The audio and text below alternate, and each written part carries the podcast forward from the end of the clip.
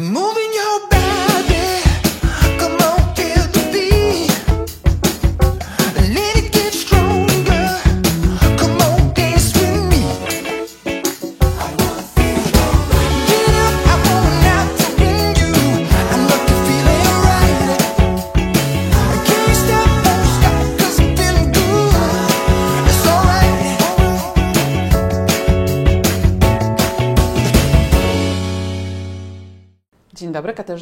Witam w kolejnym odcinku programu Okiem Byłej Frankowiczki. Dzisiaj moim gościem jest e, redaktor Maciej e, Samcik. E, Maciej Samcik jest redaktorem naczelnym jednego z największych niezależnych portali o finansach, subiektywnie o finansach i dzisiaj też o finansach porozmawiamy, o finansach w kontekście oczywiście e, frankowych. Dzień Frankowych. dobry, witam serdecznie.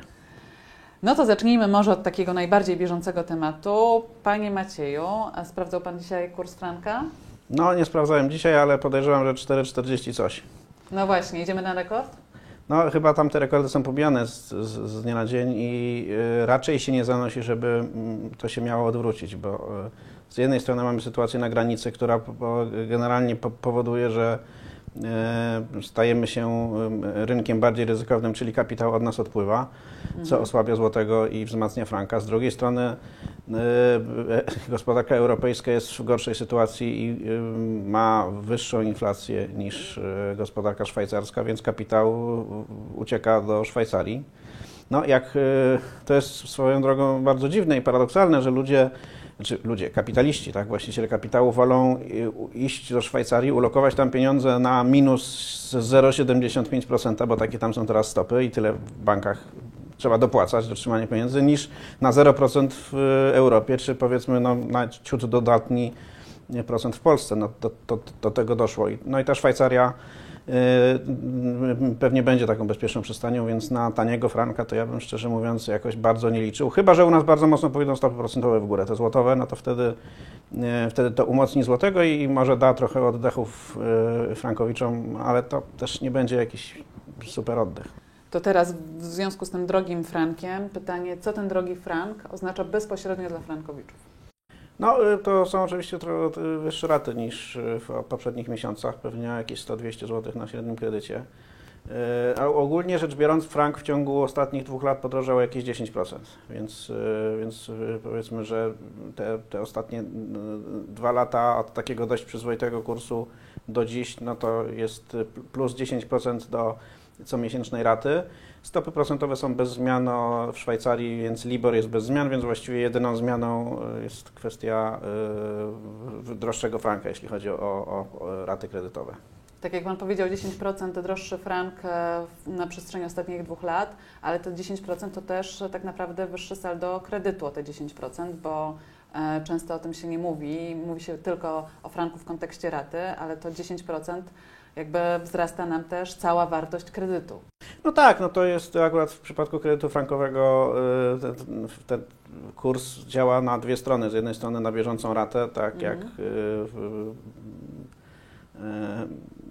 no to, to akurat jest naturalne i o tym wszyscy, wszyscy wiedzą. No i jest też ten drugi faktor, czyli kwestia tego, jak, ta, jak ten kapitał się zmienia. No.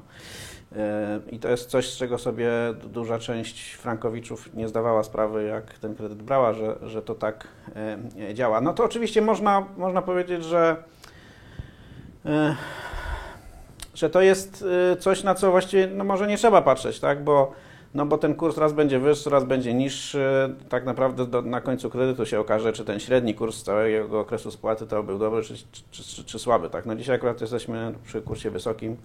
Na, y, Mhm. Natomiast no, na, na, na ile no, moi czytelnicy, którzy są frankowiczami, de- denerwują się, jak widzą, że to saldo ich kredytu jest y, coraz większe, a nie coraz mniejsze, mimo że oni cały czas spłacają. No nie bardzo rozumieją, co, co, o co tu chodzi. Tak, mechanizm, którego e, nie wszyscy są w stanie e, pojąć, zrozumieć. E, To teraz właśnie w kontekście całej tej zawieruchy frankowej w ostatnich miesiącach, bo to już możemy mówić o miesiącach, e, od wydarzeń w Sądzie Najwyższym, e, nagle pojawiły się na stole e, propozycje ugód bankowych. Co Pan, jako człowiek znający się na finansach, myśli o propozycjach banków i propozycjach ugód? To jest korzystna propozycja, czy trzeba też patrzeć ze dużą ostrożnością? Znaczy tak, tych ugód, na razie takich propozycji ugód to tak za dużo nie ma, szczerze mówiąc, bo to jest, y, Y, No, jest PKO BP, który mm, e, przez, e, zachęca frankowiczów w dużej części skutecznie do tego, żeby szli do sądu polubownego przy Komisji Nadzoru Finansowego i tam są te ugody, mówiąc kolokwialnie, rzeźbione.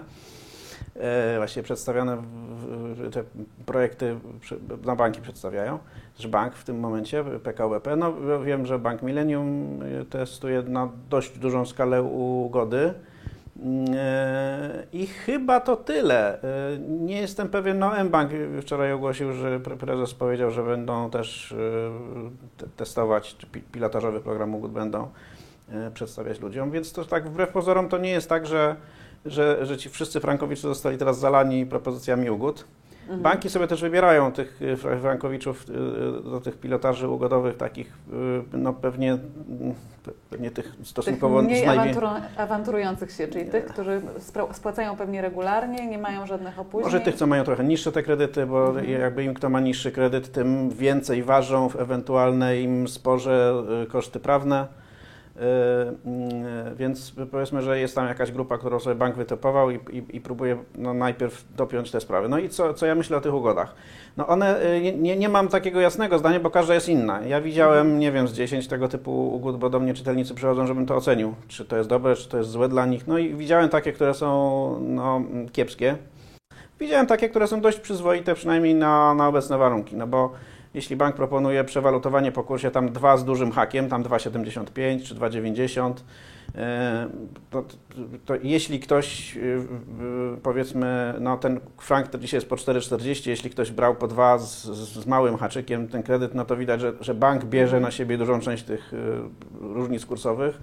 No i ten kredyt po przewalutowaniu ma mieć marżę tam poniżej jednego punktu procentowego, no to to nie jest taki zły układ. Natomiast widziałem też marżę, że on nie jest zły versus y, jakby y, jeśli weźmiemy sytuację, że trzeba, jeśli alternatywnym scenariuszem byłoby no, ciągnięcie tego kredytu do końca, tak? No tak. No tak. bo, bo jakby n- najkorzystniejszym scenariuszem jest generalnie unieważnienie tej umowy, no bo y, tu, tu wtedy ten, ten, to, to y, stosunek zysków do, do strat, właściwie wszystkie straty bierze na siebie bank, tak? Każda ugoda powoduje, że część bierze klient, część bank. Więc jakby no, część z tych ugód powiedzmy, że nie wygląda bardzo źle, ale część wygląda kiepsko, no bo czasami bank proponuje, nie wiem, kurs rzędu 3,20, 3,50, więc tak, w zasadzie... w kursach 4, powyżej 4. Więc No tak, no to przy kursie powyżej 4, no to w zasadzie klient sobie podpisuje, że bierze na siebie te wszystkie dotychczasowe różnice kursowe i bank łaskawie bierze na siebie, nie wiem, 10% z tych różnic, a potem y, i przewalutowuje to klientowi na kredyt złotowy ze zmienną ratą, więc y, Co też z takim że przy tak niskim wiborze dzisiaj, który tendencja wskazuje będzie tylko wyższy, wcale nie musi być korzystny dla e, frankowiczów, prawda? E, No to e, tak, no to, to jest duży problem, znaczy du- duże zagadnienie w ogóle z tym WIBORem. Jak, Mhm. jak jego potencjalny wzrost, wzrost stóp procentowych wpłynie w ogóle na skłonność wszystkich stron do zawierania ugód. Bo z jednej strony ten kredyt złotowy, na który w ramach ugody kredyt jest kon- konwertowany, no ten kredyt niekoniecznie musi mieć niższą ratę i, niekoniecznie musi być tańszy niż ten y, frankowy. No właśnie. E, e, Z drugiej strony, z p- punktu widzenia banku, rosnący WIBOR powoduje, że ten bank nie za bardzo no, też traci część argumentów, bo no, nie jest w stanie zaoferować klientowi taniego kredytu zamiennego zamiast tego frankowego, więc Czyli może być tendencja w ogóle, że banki widząc e, dzisiejszą sytuację gospodarczą, ekonomiczną, będą też rezygnowały z tych ugód, bo będą się bały w tych warunkach i w tych okolicznościach ugody podpisywać, tak? Czy nie wiem, czy będą rezygnowały, no bo banki pewnie będą tak czy siak robiły dobrą minę do złej gry i Mhm. będą komunikowały y, gotowość do zawierania ugód, tylko te ugody po prostu nie będą miały prawa mm, dobrze wyglądać. No bo i, jeśli mamy wyższe oprocentowanie i wyższą ratę na zamianę, no to y, no, trudno będzie namówić kogokolwiek do tego, żeby taką ugodę wziął. Tak? No, y, tutaj wtedy bankowi zostaje tak naprawdę tylko y, zagranie kursem walutowym, czyli my weźmiemy na siebie stosunkowo dużą część Mhm. tej zmiany kursowej, która nastąpiła po wypłacie kredytu. czyli no, powiedzmy, że zamieniamy Ci ten kredyt, drogi Frankowiczu, na kredyt złotowy na, oparty na stawce WIBOR. Y, Zamieniamy Cię go dopiero od tego momentu, nie od początku wstecznie, tak? No tak. E, I, no, e, i, mm, I ten kredyt no, on będzie droższy od, ten, od tego frankowego, no ale my na siebie bierzemy dużą część tej zmiany od tych 2 zł, po ile zapewne wziąłeś ten kredyt, do tych 4,40, czyli obecnego kursu franka. No to mamy mniej więcej wyjaśnioną sytuację ugód, jak to wygląda dzisiaj. A co Pan myśli o sytuacji, w której dziś e, byli prezesi, obecni prezesi banków starają się przerzucić odpowiedzialność za konsekwencje kredytu frankowego wyłącznie na frankowiczów, mówiąc, że e, wiedzieli na co się decydują, że znali konsekwencje takiego produktu finansowego e, i że dziś kompletnie nieuzasadnione są pozwy frankowiczów. Kto ma rację? Sądy, które orzekają w prawomocnych wyrokach, że umowy są nieważne, czy prezesi mówiący o tym, że te abuzywne dziś zapisy wtedy nie były abuzywne, więc właściwie nie ma historii frankowej w Polsce.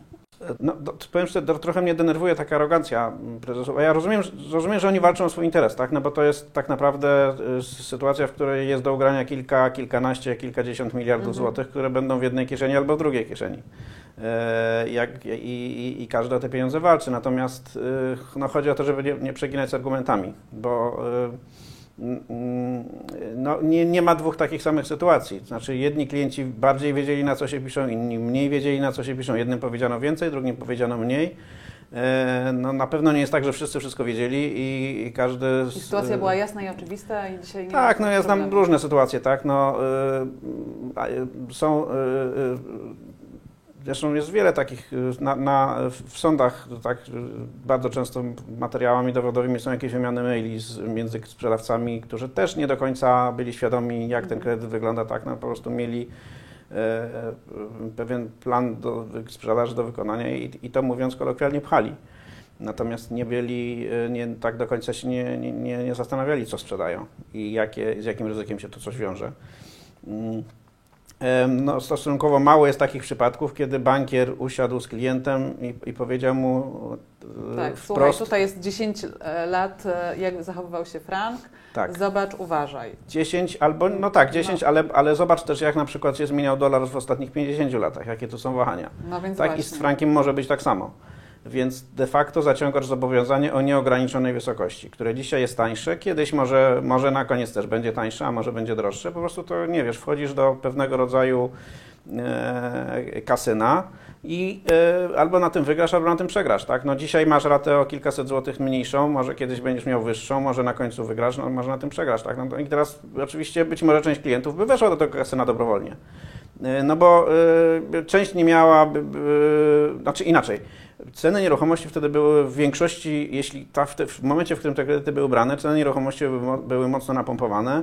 No i Tak, bo taka podaż kredytowa też trochę napędzała ten rynek nie, tak, to była taka była- typowa bańka, tak? Tak. Im więcej, im większy popyt, tym większa podaż, tym większy popyt i tak dalej. Więc, y, więc powiedzmy, no, ludzie też widzieli, że te nieruchomości prawdopodobnie będą coraz droższe, więc ten kredyt, nawet jak on kiedyś będzie trochę droższy, no to, y, to może i tak na tym To dobrze mam wyjdą. mieszkanie, tak? które będzie zabezpieczeniem tego kredytu w razie No czego. dokładnie, tak. Nie do Natomiast, natomiast było. zabrakło moim zdaniem w y, bardzo dużej większości przypadków zawierania takich kontraktów takiej prostej informacji. Drogi kliencie, bierzesz zobowiązanie, o którego wysokość jest potencjalnie nieograniczona.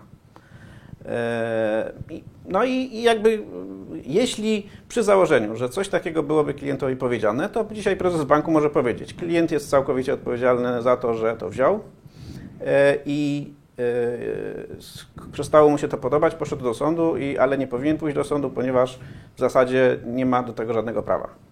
No i yy, no ja powiem i szczerze, nie znam żadnego, i, tak, no, ale, ale ja nie znam żadnego przypadku, w którym rzeczywiście tak zostałoby przedstawione. Czy niektóre banki tam coś opowiadały o tym, że może tam plus 20% być ten frank albo, albo coś takiego, tak? Natomiast y, no, Bolesna prawda jest taka, że to jest zobowiązanie o nie, nieograniczonej wysokości, co oczywiście nie oznacza, że nie można go wziąć. Tak? Bo jeśli tak, mam, tak, mogę to- wziąć to- mieszkanie, na, które jest wiem, ba, bardzo tanie tak? i wiem, że, że na tym nie jestem w stanie przegrać, no to biorę taki kredyt. Tak? No tak, ale patrząc e, z perspektywy mojej Ja muszę wiedzieć, co, co no biorę. właśnie, gdyby Tak, ktoś mi powiedział, bierze Pani produkt spekulacyjny, Mhm. nie jest Pani w stanie dzisiaj przewidzieć e, tego, jak się będzie zachowywał frank szwajcarski. Gdybym ja wiedziała, że jest to produkt spekulacyjny, pewnie bym się w życiu nie zdecydowała na coś takiego. Ja poszłam do banku po kredyt Mhm. na mieszkanie. I tak naprawdę cały ten kontekst, oczywiście e, świadomość raty, byłam sprawdzana, zweryfikowana, e, kazała mi wziąć odpowiedzialność za zobowiązanie finansowe, ale nikt mi nie, e, nie powiedział, że ja biorę udział w jakiejś grze spekulacyjnej, finansowej, która jest totalnie ode mnie niezależna. No tak, no to jest taki argument, który trudno odbić, bo, bo to rzeczywiście to.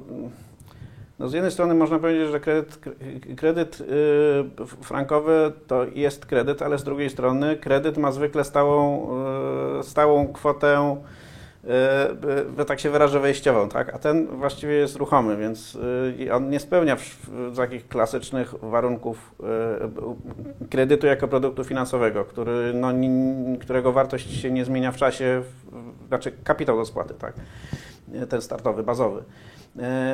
To, to, to też jest trochę, znaczy nie wszystkie banki zachowywały się tak samo, bo ja znam banki, które kredytów frankowych udzielały tylko ludziom, dla których ten kredyt stanowił, nie wiem, 5-10% ich domowych budżetów. Tak? Odstrzeliwali właściwie wszystkich klientów, którzy e, nie wiem, po wzroście raty dwukrotnej mieliby problem ze spłatą. No i te, te, oczywiście te banki też udzielały kredytów frankowych, natomiast udzielały go tylko osobom bardzo zamożnym. E, A były też banki, które właściwie udzielały e, tych kredytów każdemu. No i, i, i co gorsza, też tak konfigurowały scoringi, żeby móc powiedzieć ludziom, że stać się na kredyt frankowy, a na złotowy już nie. Co jest no, y, manipulacją najgorszego sortu, bo jeśli kogoś nie stać na bezpieczniejszy kredyt, to tym bardziej go nie stać na bardziej wachliwy. Tak. Więc jeśli ktoś tak miał skonfigurowane scoringi, żeby, żeby w ten sposób postępować, no to, to to jest kryminał, jak dla mnie. No właśnie, taki kryminał, kryminałem tak naprawdę skończyły się sprawy włoskie, e, tak skończyły się sprawy w Australii. E, Tam po prostu prezesi poszli do, e, do sądu i przegrywali. Byli No tak, to- no bo to są te anglosaskie przepisy, anglosaski system prawny w ogóle du, dużo większą odpowiedzialność na menedżerów y, ściąga, w takim sensie, że łatwiej jest powiedzieć y, do konkretnego człowieka, ty jesteś temu winny i ty masz z własnej kieszeni za to płacić. Albo no, jeśli nie jesteś w stanie zapłacić, bo nie ma takiego prezesa banku, który byłby w stanie Mhm. 2 miliardy złotych oddać, no to przynajmniej po prostu oddajesz cały majątek i i, e, i, i to idzie de facto na, no nie tyle na pokrycie, pokrycie strat, co po prostu jest karą dla ciebie za to, że źle postąpiłeś. Znaczy, jest też prawdą, że ci menedżerowie, którzy tych kredytów udzielali, oni już w większości w bankach nie pracują, tak? E, No i dzisiaj pozwalają sobie właśnie na takie e, bardzo mocne wypowiedzi, e, które uderzają we frankowiczów i mówiąc o tym, że są cwaniakami, którzy teraz próbują wywrzeć presję e, na sądy i Ale to, e, szczerze mówiąc, to akurat ten argument do mnie nie przemawia, no bo właściwie tu wszyscy próbują wywrzeć presję na sądy, no i na zasadzie trudno mieć o to pretensje. Znaczy od tego jest właśnie sąd, żeby się, żeby nie brać tej Nie ulec presji. Nie ulec presji, tak, i po prostu e, orzekać w sposób bezstronny, nie, nie, wczytując się, czy też nie, nie wsłuchując się w to, kto na niego próbuje większą presję wywrzeć. No to, że, że e, oba zwaśnione środowiska próbują wywrzeć na sądy presję jest e, z, z mojego punktu widzenia czymś e, naturalnym. Za jednymi stoi powiedzmy taka, takie przekonanie, że zostali oszukani, za drugimi stoi przekonanie, że ci klienci wiedzieli, w co się pakują, tak? No i teraz kwestią, no o, pośrodku tego wszystkiego jest umowa, która jest bardziej lub mniej precyzyjnie zrobiona i zawiera większe lub mniejsze luki. Faktem jest, że te luki kiedyś nie były zauważane przez, nie były kwestionowane przez y, urzędy antymonopolowe, no ale z drugiej strony jesteśmy w Unii Europejskiej i to europejskie prawo y, w zasadzie nie pozostawia wątpliwości, że, y, no, że, że nie może być tak, że klient tak naprawdę, znaczy wyłącznie od banku zależy jaka wysoka będzie rata y, płacona przez klienta ze względu na to, że no, bank sobie według niekoniecznie bardzo y, precyzyjnych zasad ustala Mhm. kurs spłaty. jednostronnie kształtuje całą umowę, nie dając Tak. żadnego pola. No tu jest tak naprawdę ten główny problem, znaczy główny, no, głównym problemem jest generalnie konstrukcja tego kontraktu, tak? Natomiast jakby od strony stricte prawniczej, no to gdyby banki w sposób po- porządny, uczciwy skonstruowały te, te e, klauzule przeliczeniowe, czyli gdyby po prostu wpisały, że klient spłaca tę ratę po kursie NBP, no to prawdopodobnie nie byłoby całej afery w takim sensie, że klienci nie wygrywaliby z, z, z, z spraw sądowych. Nie, No bo to tutaj trochę bankowcy po prostu postanowili sobie dodatkowo dorobić na tych spreadach i, i, i- trochę i teraz życie pokarało. Bo można było sprzedawać kredyty frankowe y, ze spłatą po kursie NBP. One by miały wtedy wyższą marżę, trochę by były mniej fajne na tle tych złotowych, no ale były No i może by były bardziej przejrzyste i bardziej też... przejrzyste, tak? No nadal nie było, na, nadal, Nadal ryzyko to- byłoby to tak, samo, tak? To nadal znaczy, byłby nadal to- byłby to kontrakt o nieograniczonej wahliwości zobowiązania, tak? Natomiast no, e, ten główny zarzut, który dzisiaj e, Frankowicze, na którym, że tak brzydko powiem, jadą tak, i w sądzie wygrywają, no to jest to, jest to że te klauzule przeliczeniowe były nie, nie, nie, nie, nieprecyzyjne. No i, e, i fakt, że były, no i fakt, że wynikało to z takiej chciwości bankierów. E, I no, mo, można było zrobić to ucz, uczciwiej, tak. No, nadal ten kredyt nie byłby, nie byłby bezpieczny, tak, ale, Nadal ale nie byłby złotówką, walutą, w której się zarabia, tylko dalej byłby jakimś ryzykiem. nadal byłby pewnego rodzaju grą w kasynie, tak. No, ale tu są dwa problemy właśnie. Przez pierwszy, o pierwszym rozmawialiśmy na początku, a o drugie omawiamy teraz. Pierwszy to jest to, żeby, że, że należało uświadomić klientowi, że to jest y, kontrakt, który jest dużo mniej bezpieczny w sensie wysokości zobowiązania dla klienta. A, a, dru, a, drugiej, a druga to jest y, po prostu takie skonstruowanie umowy, żeby tam nie było możliwości dorabiania na boku przez bank. No właśnie, a dzisiaj patrząc na zachowanie banków, w ogóle na banki jako instytucje, bo gdzieś to też zaczyna być tematem, e, czy możemy myśleć o banku w kontekście instytucji zaufania publicznego? No nie, no bo jeśli bank jest instytucją komercyjną, to jest, y, oczywiście on jest nadzorowany przez państwo i w związku z No tym... właśnie, bo ja nie idę, żeby pożyczyć pieniądze do Lombardu, nie Mhm. idę, e, nie wiem, na ulicy gdzieś po cichu z kimś umawiać się na jakiś lichwiarski procent, tylko idę jednak do instytucji, która jest bardzo mocno kontrolowana, poddawana rygorystycznym przepisom. Czy ja mogę jej ufać dzisiaj, czy zawsze muszę mieć z tyłu głowy, że każda umowa może być dla mnie ryzykiem? E, Znaczy tak, e, to jest, dopóki mówimy o instytucji komercyjnej, której główną rolą, która ma akcjonariuszy, ci akcjonariusze chcą dostać jak najwyższą dywidendę, e, w związku z tym ten bank chce zarobić jak najwięcej pieniędzy, no to e, jakby mm, abstrahując od tego, czy to jest, jak, to nazwiemy, czy to jest instytucja zaufania publicznego, czy nie, no musimy mieć z tyłu głowy, że to nie są, e, że, że, jakby no w każdej chwili możemy paść nawet nie ofiarą oszustwa, tylko po prostu kupić coś, co jest dla mnie niekorzystne, a jest korzystne dla banku. E, Instytucja zaufania publicznego. Ja to czytam w tej, znaczy banki y, uwielbiają tak o sobie mówić, natomiast to działa tak naprawdę tylko w jednym aspekcie. To działa w aspekcie e, ba, Bankowego Funduszu Gwarancyjnego, gwarancji państwowej dla naszych depozytów. Tak? No w tym sensie one są instytucją zaufania publicznego, że jak zaniosę pieniądze do banku i ten bank zbankrutuje, to państwo mi to refunduje. Tak? Czy ten Bankowy Fundusz Gwarancyjny, dopóki tam mu starczy pieniędzy. Więc i w tym kontekście to jest y, instytucja zaufania publicznego, a w każdym innym kontekście to jest normalna firma a to możemy komercyjna. tak wybiórczo sobie traktować tą historię? To... No, znaczy ja, ja ogólnie namawiam ludzi do tego, że jak idą do banku, to żeby jakby no, zachowali pewną nieufność, bo głównym błędem nas, konsumentów, jest to, że jak po drugiej stronie zobaczymy człowieka, z tego sprzedawcę, bo on jest de facto sprzedawcą, no to on się nazywa doradca klienta i my go czytamy jako kogoś, kto jest po naszej stronie, nam doradza. No, nam, nie nam doradza, tylko on po prostu chce sprzedać nam produkty finansowe. E, I te produkty mogą być dla nas lepsze albo gorsze, ale no to na pewno on, to nie jest gość, który gra w, w naszej drużynie. No i jakby dopóki będziemy tak o tych ludziach myśleć, że, że oni są naszymi doradcami i jak, on, jak pan w banku coś powie, no to znaczy, że, że to jest prawda, czy pani, no to, y, no to nie będzie dobrze. Fakt jest, że, faktem jest, że banki dzisiaj, ze względu na to, że no jednak kilka instytucji y, zbankrutowało, kilka jest w kiep- w kiepskiej sytuacji finansowej, y, między innymi ze względu na to, że uprawiały mis-selling w przeszłości, kilka zostało sprzedanych Mhm.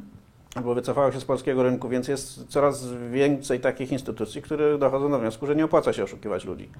No bo y, je- jeśli znaczy inaczej, że dużo lepiej zarabia się na kliencie, czy dużo więcej zarabia się na kliencie, jeśli to jest stały klient, który jest z nami przez 10 lat, niż na takim, któremu się wciśnie jeden toksyczny produkt, zarobi się na tym krocie, ale on już nigdy w życiu do nas nie przyjdzie. Więc o, ono, o tyle jest trochę lepiej niż było, że rzeczywiście w, w bankach się zorientowali, że jakby takie jednostrzałowe oszustwo pod tytułem wcisnąć klientowi, nie wiem, kredyt, polisę inwestycyjną, czy coś, co po prostu będzie i, toksyczne, e, ale na tyle zarobić, że ten klient nam nie jest potrzebny w ogóle, no, No to, to się trochę tak. przestaje sprawdzać na szczęście. Bardzo dziękuję Panie Macieju Dzięki. e, za wizytę.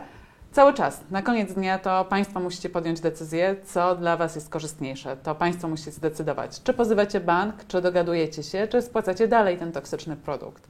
E, najwięcej wciąż do wygrania jest przed sądem, także ja, jako była Frankowiczka, e, będę Państwa do tego namawiać i zachęcać. Bardzo dziękuję i do zobaczenia w kolejnym odcinku.